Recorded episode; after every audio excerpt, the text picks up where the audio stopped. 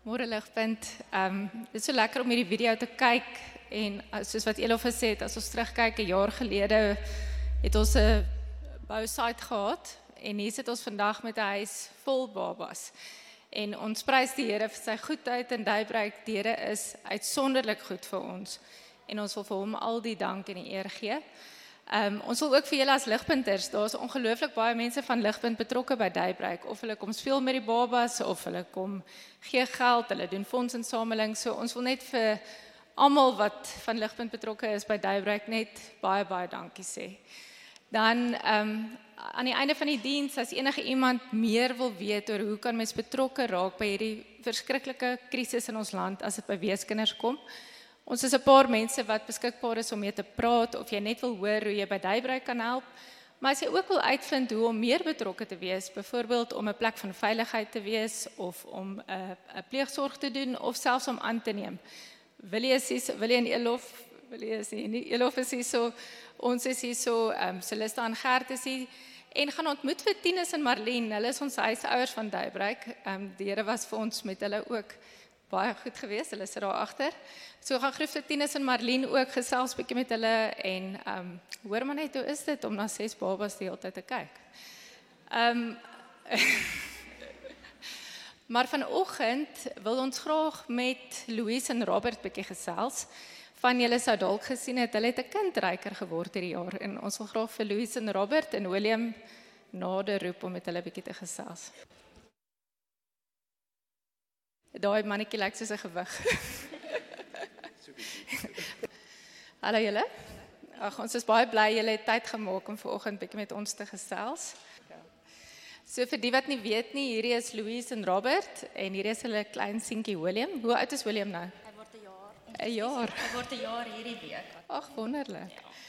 Ehm um, Louise en Robert is al lank deel van Ligpunt, maar duidelik kan almal sien dinge het in hulle lewe bietjie verander in die laaste paar jaar. So Louise en Robert, vertel vir ons wat het in die laaste 2-3 jaar in julle lewe gebeur? Ja wel, ehm um, nie 'n goeie ding om hierdie video te kyk as jy vir jouself voorgenem het om nie emosioneel te raak vandag nie. So ehm um, ja, ons het net ons hoop ons dra ons boodskap oor met eerlikheid en ook met 'n 'n hart vir babas en ehm um, dat dit ook net 'n wonderlike ervaring is. So ek dink daar moet altyd 'n balans wees tussen die twee. Ons het 'n baie pasgetroude paartjies, ons toekoms baie mooi beplan. Ons sou 'n paar jaartjies net ons twee wees en dan op 30 ons eerste baba en dit sou 'n seentjie wees. So jy weet jy beplan verskriklik en dan op 32 sou ons 'n dogtertjie gehad het.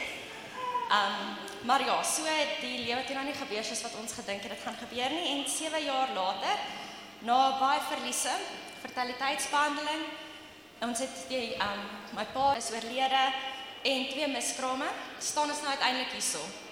En ons moet met eerlikheid sê, ek dink terug aan laas jaar hierdie tyd, hierdie presiese diens wat ek hier gesit het en gewonder het, gaan hierdie ooit vir ons gebeur?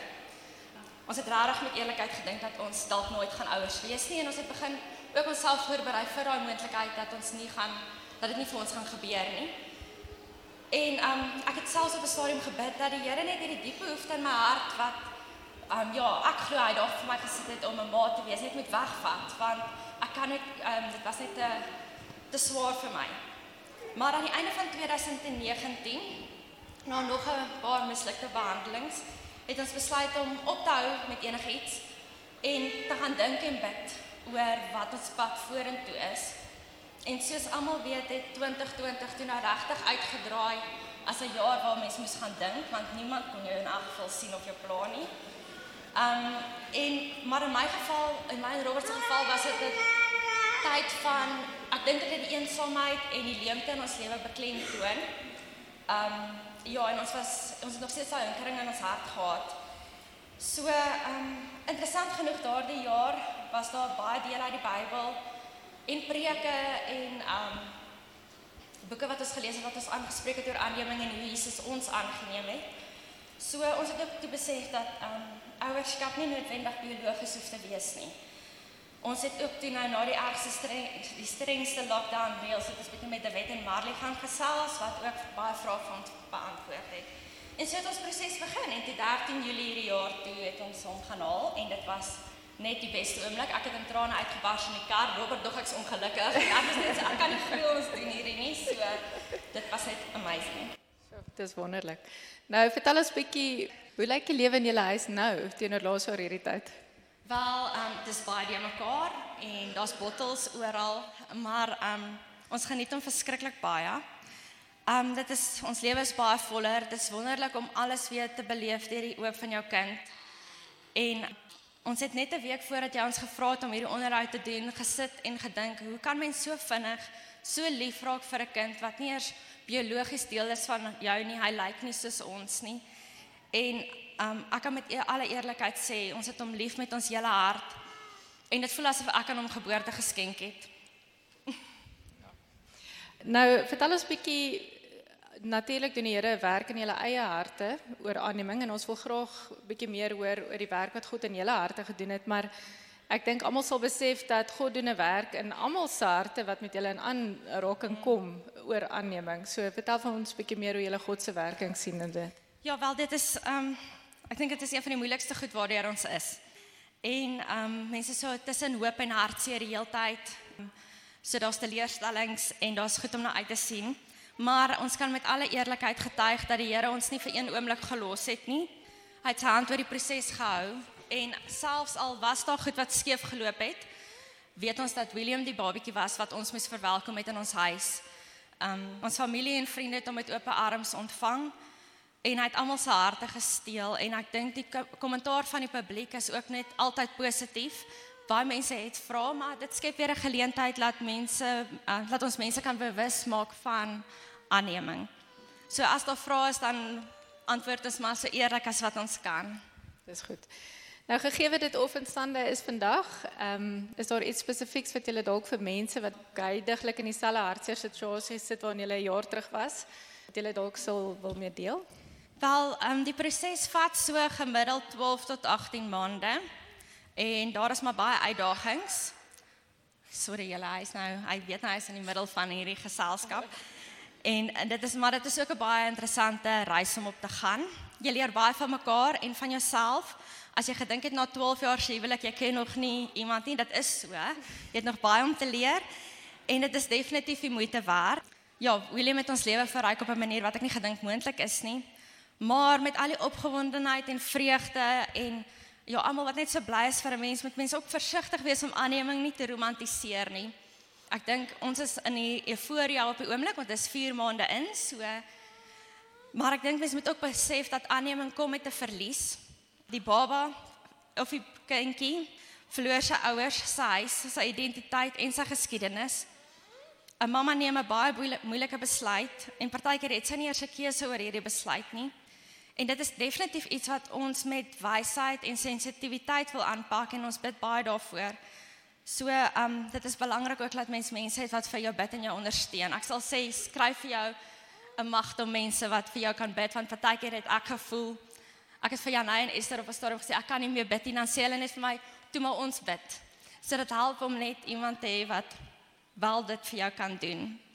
En ja, mense het net daai familie en vriende um, nodig en mense word nie alleen gelaat nie, maatskaplike werksters, die baba hy se mamma, almal het gehelp en um jy kry hulp van mense af wat jy nie eens geweet het stel belang nie. So dit is dis wonderlik. En ons weet dat die Here hart vir weeskinders het. So indien jy wel dit voel op jou hart om hierdie te doen, sal ek voor jy moet nie huiwer om vrae te vra nie, bid daaroor. En ek ek en Robert het ook net besef as die Here daai gevoel of daai behoefte in jou hart gesit het, moet jy gaan daarvoor. Ja, en die Here werk op wonderbaarlike maniere en hy berei mense hart voor vir hierdie lyfie en vir hierdie presiese spesifieke lyfie wat hy vir ons bedoel het en ja, ons is net te dankbaar dat ons hom kon verwelkom in ons huis. Nou maar Louise, Robert, dankie dat julle dit gedeel het met ons. Ek wil ook graag vir julle nou bid. Kom ons sluit ons oë. Aba Vader, U is die God wat almal en alles gemaak het. U weet die begin van die einde. U openbaar Uself aan ons in die woord as 'n Vader wat lief is vir sy kinders en reg deur die skrif lees ons van hoe dit U hart is om vir die weerloses, die vaderloses en die weduwees te sorg. Ons prys U naam dat U ons aangeneem het in U familie in, dat U ons deel gemaak het van U familie.